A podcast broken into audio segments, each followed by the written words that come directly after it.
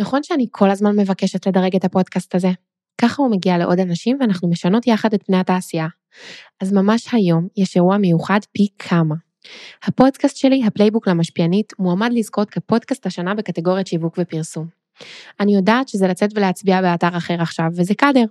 אבל זו הדרך שלי ושלך להנכיח את החשיבות של שיווק משפיענים, להגיע לעוד מותגים ולהפוך את המקצוע הזה ללגיטימי. דמייני יחד איתי, בעוד שבוע וחצי, מנהלי שיווק ואנשי פרסום יקומו לבוקר שבו פודקאסט השנה הוא ה playbook למשפיענית. דמייני שלאחר מכן הם יאזינו לפרק או שניים ויפול להם האסימון. הפסקנו להיות פראייריות. מעכשיו משלמים הוגן, מעכשיו יש סטנדרט לתעשייה, אז זה לגמרי אפשרי. הכל יכול לקרות בזכות ההצבעה שלך. יש לינק בתחתית הפרק להצבעה. אם את מקבלת ערך מהתוכן הזה, שאני מעלה כאן באופן עקבי ונותנת בחינם לגמרי, עכשיו זה הזמן להגיד לי תודה. מבחינה טכנית, כדי למנוע הצבעות של בוטים, המנהלים קצת הקשו על ההצבעה. זה אומר שאת צריכה לגלול הרבה למטה, יש חלק לבן די ארוך, להיכנס לחשבון הגוגל שלך ולהצביע. אני סומכת עלייך ותודה רבה רבה רבה. יאללה פתיח ואנחנו מתחילות פרק מפחיד. היי, hey, ברוכות הבאות ל playbook למשפיענית, הפודקאסט שילמד אותך איך להפוך את העוקבים שלך ברשתות החברתיות לעסק יציב ורווחי. אני ניצן לנדמן, מנטורית למשפיעניות ויוצרות תוכן בהווה ואשת שיווק בלב ובנשמה. בכל פרק נדבר על כלים פרקטיים שיעזרו לך להתמקצע ולהרוויח יותר כסף. החל מדילמות עסקיות עד תמחור ומשא ומתן, חוזים, פיתוח עסקי וכל מה שצריך לדעת כדי לעבוד בתוך התעשייה. אז יאללה, בואי נצלול. אז היום בפרק שלנו אנחנו הולכות לדבר על מכירה, ולא על מכירה לעוקבים שלנו, אלא על מכירה למותגים, לאלו שאנחנו רוצות, שישלמו לנו עבור קמפיינים. העניין עם מכירה זה שהרבה פעמים מה שקורה זה שאנחנו לא כל כך יודעות איך לגשת לזה. אנחנו לא כל כך יודעות מה להגיד למותג כדי שהוא יחשוב שאני, על פני שאר משפיעניות אחרות שהוא מדבר איתם בתקשורת איתם, למה דווקא אני שווה את זה? אז בדיוק בשביל זה יצרתי את הפרק הזה, שבו אני הולכת לעבור איתכן לעומק על כל מיני נקודות ודברים שיעזרו לכם להתפקס ולהיות יותר מכירתיות לגבי המותגים וכלפי המותגים שאיתם אתן עובדות. אז בואו נתחיל כבר מהנקודה הראשונה, כמו שאתן יודעות, אני אוהבת שהכל מסודר ומתוקתק לפי נקודות. הנקודה הראשונה היא נקודה שקצת מרימה לעצמי, אבל במטרה להגיד לכן, בנות, תקשיבו לי. השבוע אני גיליתי שליוויתי עד כה ב overall בשנתיים שאני עושה את זה, מעל 150 משפיעניות בכל מיני דרכים וחזיתות ומוצרים, כל מיני דברים שיצרתי לאורך הזמן, שזה מספר הזוי ובלתי נתפס, ממש אבל, מבחינתי לפחות. מה שזה אומר זה שבאמת ראיתי הכל, ראיתי כל נוסח פנייה, מותג חצוף שמבקש שתשלמי על המוצרים שלו. אני יודעת שקשה לך להאמין, אבל כן, ראיתי הכל, ואני יודעת להגיד לך מה עבד ליוצרות תוכן שליוויתי ומה לא עבד להן. והגדתי כאן לפרק הזה את כל מה שאני חושבת שבלעדיו, אני אומרת לך היום, ב-2024 אין לך סיכוי. אם את רוצה לעבוד עם מותגים, אם את רוצה שהם ישלמו לך, את צריכה את הדברים האלו, את צריכה להתחיל להתייחס לעצמך כמו אשת מקצוע וכמו בעלת עסק וכמו מישהי שמתנהלת את כל הדבר הזה בצורה מבוקרת ולא צברה עוקבים ועכשיו מצפה שישלמו לה אלפי שקלים כי זה לא יקרה. המשחק אל מול מותגים הוא בעיקר משחק של אמון, הוא בעיקר משחק של לייצר אצלם את התחושה שאת מקצוענית, שאת לא תברכי אחרי שיביאו לך את המוצר, שאת לא תעשי קריאיטיב פח גרוע, שאת תדעי לתקשר איתם אם יש בעיות או שאלות מהקהל שלך, שאת תדעי להציף בפניהם אם את לא מבינה משהו על המוצר. כל הדברים האלו הם דברים שעוזרים למותג להאמין ולהבין שאת איכותית וטובה. עכשיו אני רוצה רגע להכניס אותך לראש של מנהל או מנהלת השיווק או המפרסם במשרדי הפרסום, והמורכבות שבלבחור דווקא בך. או כל אחת אחרת. מה שקורה הוא שמותג או משרד פרסום מקבלים תקציבים מאוד מאוד גדולים, או מהלקוח, או כי הם הלקוח, מנהל השיווק או אה, מנהלת השיווק, יש להם איזשהו תקציב שמוגדר שהם צריכים להוציא ולבזבז על משפיענים. בשלב הזה אנחנו כבר צריכות להבין, זה תקציבים מאוד מאוד גדולים. הרבה פעמים זה מאות אלפי שקלים, לרוב. והם עכשיו צריכים ללכת ולחלק אותו בצורה נבונה שתחזיר להם את ההשקעה. הדבר הזה הוא fucking מפחיד. זאת אחריות ענקית. והם לא תמיד יודעים מה נכון ואיך לעשות את זה. ואני מזכירה לכם, הם לא חיות social כמוני כמוכן, כמוכן יותר נכון. הם נמצאים במקום שבו הם חשופים להרבה מאוד scam ים, הם לא יודעים מי קנתה עוקבים ומי לא, לאט לאט הם יותר מבינים, כן? זה לא שהם clueless לגמרי, אבל הם בסוף בסוף מבססים הרבה מההחלטות שלהם על האמינות שאת תייצרי להם. אז בואי נדבר על כל מיני מרכיבים שייצרו אמינות אצל הלקוח שלך ויעלו את הסיכויים שהוא יחליט לשלם לך כסף. הדבר הראשון, ובאמת באמת הכי basic, וכאילו, אם אין לך את זה, אני, אני לא יודעת מה להגיד לך בשלב הזה, תחזרי אחורה, תקראי ותביני מה זה, אני אסביר עכשיו בקצרה, אבל זה באמת basic ברמות, וזאת ערכת מדיה. חיים שלי, תקשיבי. אני מתה עלייך, לא משנה מה את עושה, לא משנה איזה תוכן את יוצרת, אני בטוחה שאת תותחית על, ואני בטוחה שאם את שומעת את הפודקאסט הזה, בא לך לעשות כסף עם מותגים, ובא לך להיות רצינית, ובא לך להיות מקצועית. אין לזה צורה שאת מסתובבת שם בעולם בלי ערכת מדיה. אני אגיד לך יותר מזה, אין לזה צורה, לפעמים אני מפרסמת שת"פים, כי אני, הצד השני של העשייה שלי הוא שאני משדכת מותגים ליוצרי תוכן. אני עושה בשבילם את הליהוק לקמפיינים. ומה שקורה שם זה שהרבה פעמים אני מפרסמת פוסטים לקהילה שלי, למשפיעניות שאיתן אני עובדת, אה, למשפיעניות שלאו דווקא הן לקוחות שלי, כן? לקהילה הגדולה שנמצאות שם אה, כולם מקהילה ציבורית. ומה שקורה שם זה שאני מעלה אופציה לשת"פ, ואז אני מקבלת אה, הודעות, ואני מבקשת ערכת מדיה, ואין להם. אם את שולחת לי שאת רוצה להיות בשת"פ של מותג שאני מלווה, אין סיכוי בעולם, אני כבר אומרת לך, אין סיכוי שאני אתן לזה לקרות אם אני לא רואה ערכת מדיה שלך. כי ערכת מדיה זה לא רק זה שאני רואה נתונים שלך, כי הרי גם אפשר עקרונית לשלוח לי צילומי מסך, נכון? או למותג צילומי מסך. יש משהו זול בלשלוח עכשיו צילומי מסך אם המותג לא ביקש כאילו כדי שתוכיחי לו משהו. יש משהו זול בלשלוח צילומי מסך, או לכתוב את זה בוואטסאפ בצורה כזאת מאפנה. תבני ערכת מדיה, פשוט תעשי את זה. אני יודעת, זה לוקח כמה שבועות, זה צריך לסנטז ולדייק את זה, ולהשקיע בזה, ולעצב את זה, ולעשות את זה מיוחד, אחרת זה נראה רע. אבל זה נראה הרבה יותר רע כשאת רוצה להשיג שיתופי פעולה עם מותגים ואת לא שולחת ערכת מדיה. כוכבית, גם אם הם לא מבקשים ממך. חשוב, חשוב, חשוב. זה שמותג לא ביקש ערכת מדיה, כי אנחנו חיות פה בשוק בתולי בארץ, שמותגים לא יודעים שהם יכולים לבקש ממך את הדבר הזה, לא אומר שאת לא תשלחי אותו. את עדיין תשלחי ערכת מדיה, ובסאבטקסט מה שזה מעביר למותג זה She's got her shit together, היא יודעת מה היא עושה, היא מקצועית, היא מאורגנת, יש לי הרבה יותר סיבות למה כן לסמוך עליה, לא משנה איזה נתונים תזרקי שם בפנים. אז זה קודם כל דבר ראשון. לגבי מה לשים בערכת מדיה, איך לבנות אותה, זה כמובן משהו שאני מלמדת. במסגרת הפרק הזה אני לא הולכת להיכנס ולצלול פנימה לדבר הזה, אה, אבל must, must, must, basic, basic, basic, אם לא אמרתי את זה מספיק, אז עכשיו אני מקווה שזה מובן. הדבר השני זה שיחת המכירה. רגע, מה? שיחת מכירה? כאילו זה לא פשוט כזה, הם שולחים לי הודעה בדיירקט ואז אני אומרת סבבה ואז סוגרים על תשלום ואז זהו, כאילו הם שולחים לי את המוצרים והתחלנו, ממש ממש לא. הפלואו שלנו בעבודה עם מותגים, עבודה מקצועית ונכונה, היא כזו שבה אנחנו מקבלות פנייה או מוציאות פנייה, שזה פיץ', ואחרי זה, מה שאנחנו רוצות זה להתחיל התקשרות עם המותג שהיא התקשרות מכירתית. הדבר הראשון הוא יהיה לשלוח ערכת מדיה.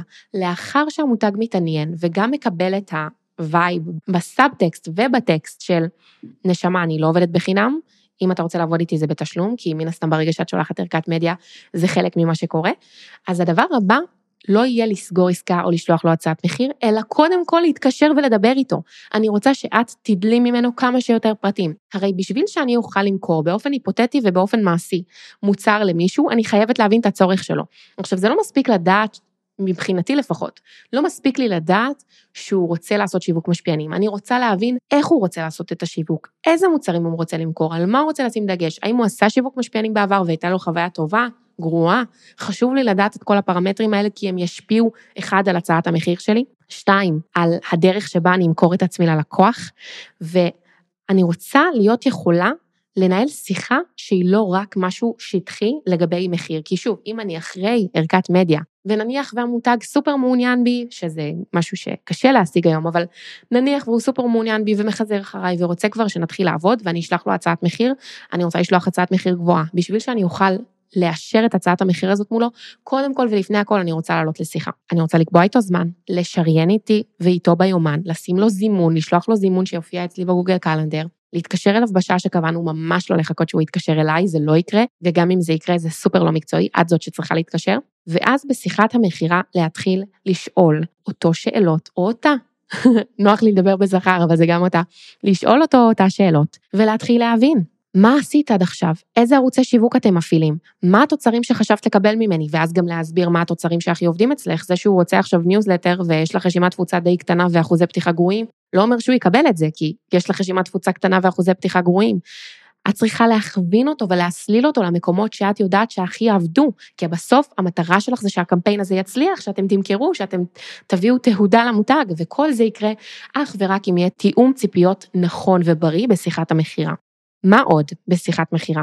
בשיחת מכירה יש לנו אופציה, בשונה מלשלוח הצעת מחיר ולשגר אותה, והלקוח יכול גם להגיד לעצמו לא, יש לנו את ההזדמנות לטפל בהתנגדויות. יש לנו את ההזדמנות לשמוע את הלקוח, ולצורך העניין לשמוע שהוא אומר, תקשיבי, בגדול אנחנו הפסקנו לשלם למשפיענים, שזה הרבה פעמים שיחה שעולה, משפט שעולה, אנחנו לא משלמים למשפיענים, אם מתאים לך תעבדי איתנו, אם לא, לא, אה, בגלל ש-XYZ, הייתה להם חוויה לא טובה, הם רוצים לראות מכר, הם חוששים להשקיע כסף לפני שהם רואים תוצאות.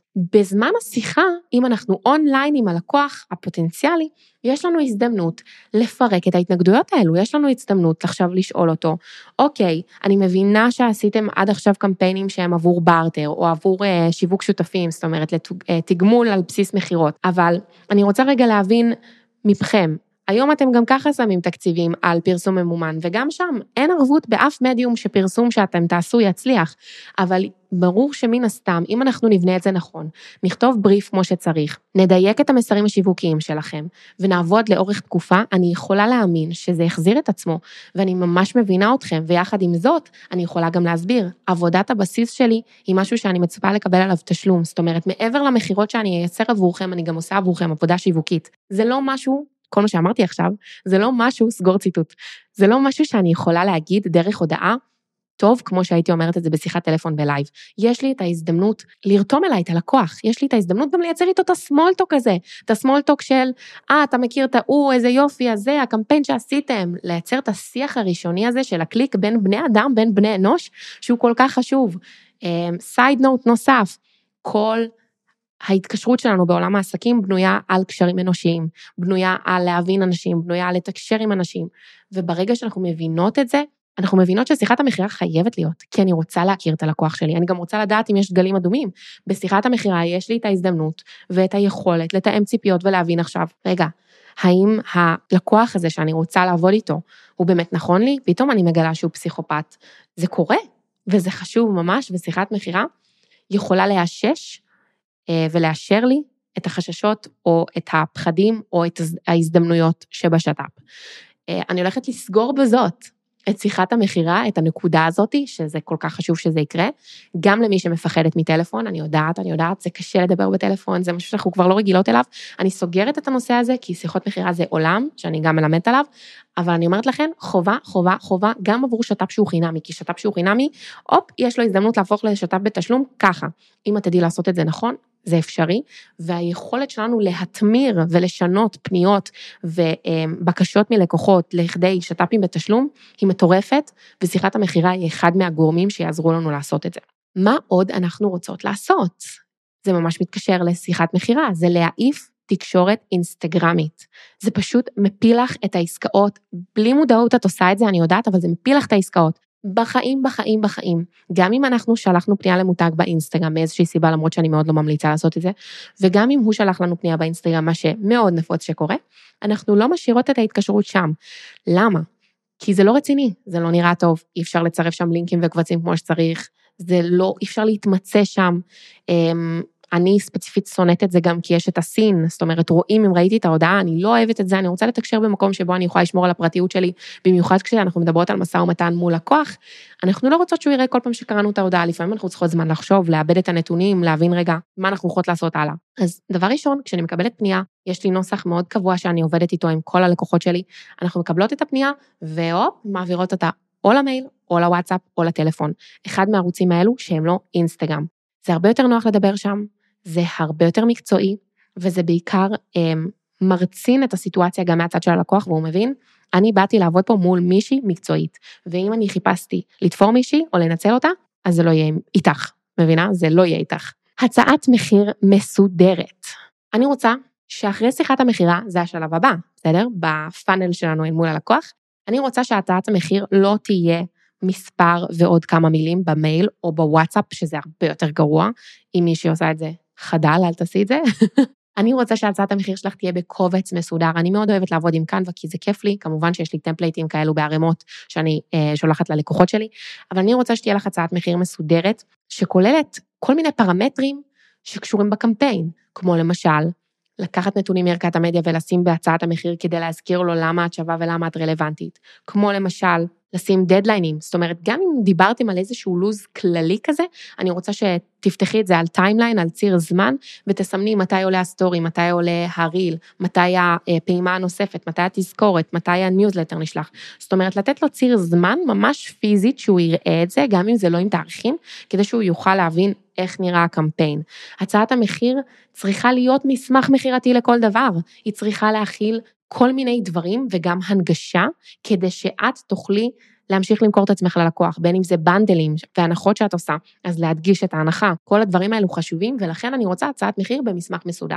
case studies. אני רוצה שתאמצי לעצמך משפט מפתח שנקרא מפרסמים צריכים דאטה.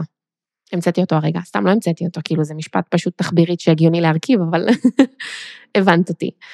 מפרסמים, מתבססים ומבססים את כל החלטותיהם על מספרים. ושיווק משפיענים זה משהו שהוא כן יחסית מדיד היום ב-2024, אבל עדיין את יכולה כל הזמן לדבר את המספרים שלך. וכשאני אומרת לדבר את המספרים שלך, אני מתכוונת לזה שתבני לעצמך case studies. יש את כל הפלטפורמות משפיענים למיניהם, שאני לא אנקוב בשמותיהם כרגע, אה, שנותנות לנו שיקוף, שהן ממש יכולות לתת לנו באופן אה, real time את כמה שמכרנו, כמה החליקו על הלינק שלנו, אנחנו יכולות לראות בתוך הפלטפורמות כמה מעורבות, כמה חשיפה. הנתונים האלה הם זהב. אני רוצה שככל שיעבור הזמן, וגם עם בארטרים זה אפשרי, כן? את לא צריכה רק שזה יהיו שת"פים בתשלום שעשית. עם כל שת"פ שאת עושה, את יכולה לייצר מזה case study. כמה מכרתי, כמה נחשפתי, כמה תגובות היו לי, שאלות בפרטים, צילומי מסך, ממש לאסוף את הדבר הזה, כדי שכשמותג מתלבט על הגדר לגבי אם לשלם לך עכשיו את ה-6,000 שקל שאת רוצה עבור סרטון, את תוכלי לנעוץ את ה-case study, לשלוח לו את זה במייל ולעזור לו לקבל את ההחלטה. אנחנו חייבות לעבוד עם דאטה. אנחנו מתבלבלות אם אנחנו חושבות שאנחנו עובדות רק בלייצר תוכן, אנחנו תחת קורת הגג של תעשיית הפרסום.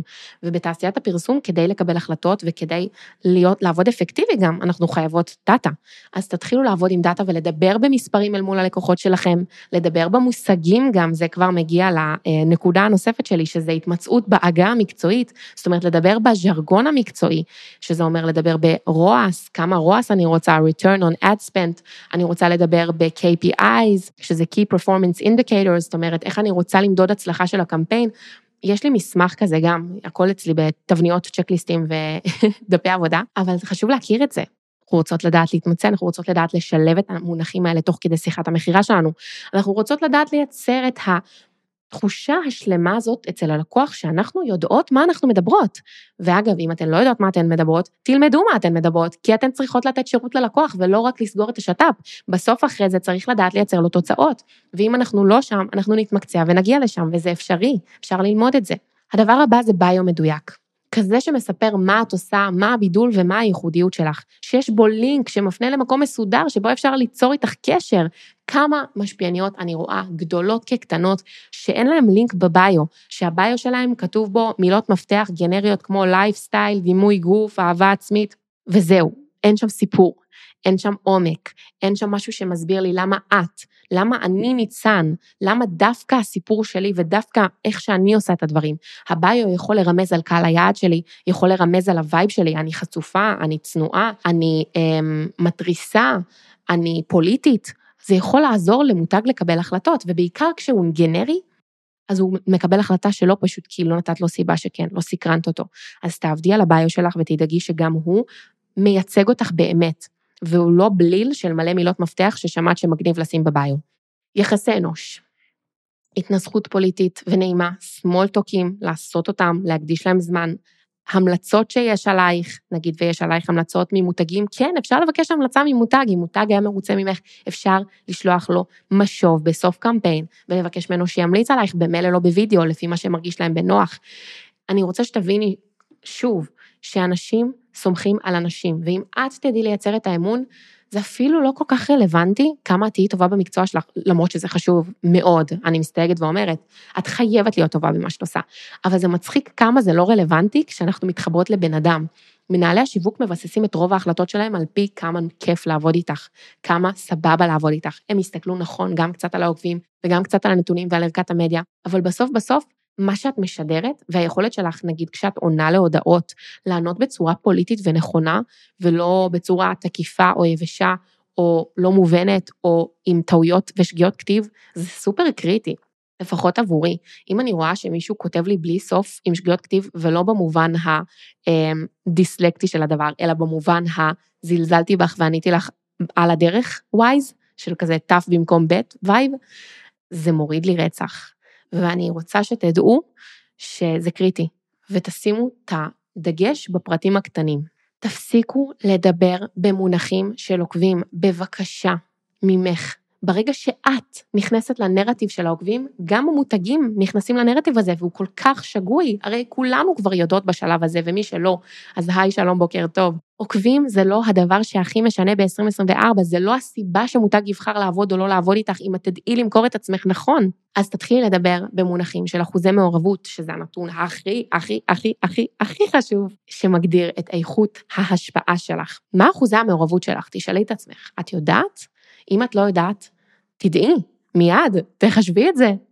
זה ממש חשוב, זה גם לא נתון, אגב, שהפלטפורמות מציגות, את צריכה לחשב את זה לבד. יש לי מדריך בעמוד ואני אשים לינק אליו כאן למטה. ברגע שאת תתחילי לעשות את השיפט הזה ולדבר במונחים של אחוזי מעורבות והשפעה והאימפקט שלך, ולא באחוזי כמות העוקבים שלך, את תראי שזה ימכור יותר.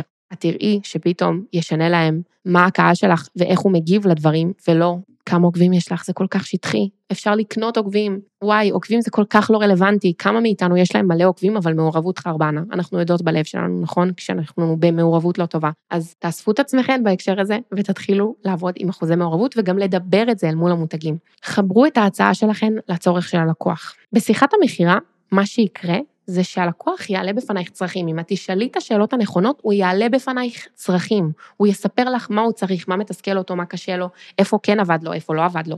התפקיד שלך זה להשתמש בזה לטובת חיבור הצורך שלו אל הפתרון שאת יכולה לתת. זה אומר שאם הלקוח עכשיו מדבר איתך על זה שעלות ההמרה שלו בקידום ממומן גבוהה, ושלא כל כך צופים במודעות שלו כי הקריאיטיב לא טוב, וראית את זה ב-Ads Library, נכנסת, ראית, הקריאיטיב לא טוב. את יכולה להסביר לו, תקשיב, אני יכולה להציע לך מודעות UGC, user generated content. אני יכולה לעזור לך בהקשר הזה, כי ברגע שהם רואים פנים ולא רואים אותך מעיד על עיסתך, זה סופר מכירתי, וזה גם נורא אמין ואותנטי, ואני גם מאוד מתמקצעת בצילום תוכן שהוא ויראלי ושאנשים נשארים לצפות בו, זאת אומרת, הריטנשן, השימור של מי שצופה הוא גבוה, אז אנחנו נוכל גם לעשות משהו כזה. זאת אומרת, לקחתי צורך של לקוח, תסכול, כאב של לקוח, וחיברתי אותו לפתרון שאני יכולה לתת. תעזרי בקהילה שלנו, זה הדבר האחרון שלנו להיום. אם יש לך שאלות, או תהיות, או מחשבות לגבי איך עושים את הדברים, האם אני עושה נכון, אני צריכה התייעצות רגע ומישהי ששנייה תחזק אותי ותחזק את הביטחון שלי לפני שיחת מכירה עם מותג גדול שאני מתה לסגור. יש לך קהילת פייסבוק שאני פתחתי שיש בה מעל 650 משפיעניות ויוצרות תוכן מאומתות. כל מי שנמצאת שם זו מישהי שעברה עימות וראיתי שהיא באמת פעילה, יוצרת תוכן אה, ומשפיעה על אנשים. וזה משפיעניות ויוצרות תוכן שדיברו עם כל המותגים הכי גדולים בארץ ויכולות לתמוך בך ורוצות לתמוך בך. אנחנו לא רוצות לשמור בסוד, אני מבטיחה לך. כל מטרתנו היא לשתף ידע, היא לעזור לתעשייה להתקדם למקום טוב יותר, שבו יש הרמוניה ודינמיקה נכונה בין מותגים למשפיענים. אז תשתמשי בזה, תיכנסי לקהילה, קוראים לה משפיעניות ויוצרות תוכן מדברות ביזנס, אני אשים לינק אליה כאן למטה, ותתחילי לשתף ולהיעזר ולהתייעץ, ולא לשמור את החששות והפחדים לעצמך, כי once את שומרת אותם לעצמך, כנראה שאת פחות טובה במקצוע שלך, כי את לא מקבלת וניזונה מעצות וידע של אנשים אחרים. אז תעשי את זה. אני מזכירה לך בשלב הזה, ש... עכשיו זה הזמן, אם שמעת את הפרק הזה תוך כדי נהיגה, כלים או משהו שאת עושה, עכשיו זה הזמן לעצור הכל ולדרג את הפודקאסט הזה, זה הכי חשוב לי בעולם. תפיצי גם למשפיעניות הקרובות אלייך, תפיצי לחברות שלך שיוצרות תוכן, תדרגו את הפודקאסט הזה, בואו נגיע ונשנה דברים, נשנה סדרי עולם בתעשיית השיווק המשפיענים. אפשר לעשות את זה, אני עושה את זה כבר שנתיים, ואנחנו נמשיך, ותודה לכם שיזמתם לפרק הזה. אני הייתי ניצן כרגיל, ואנחנו ניפגש בפרקים הבאים.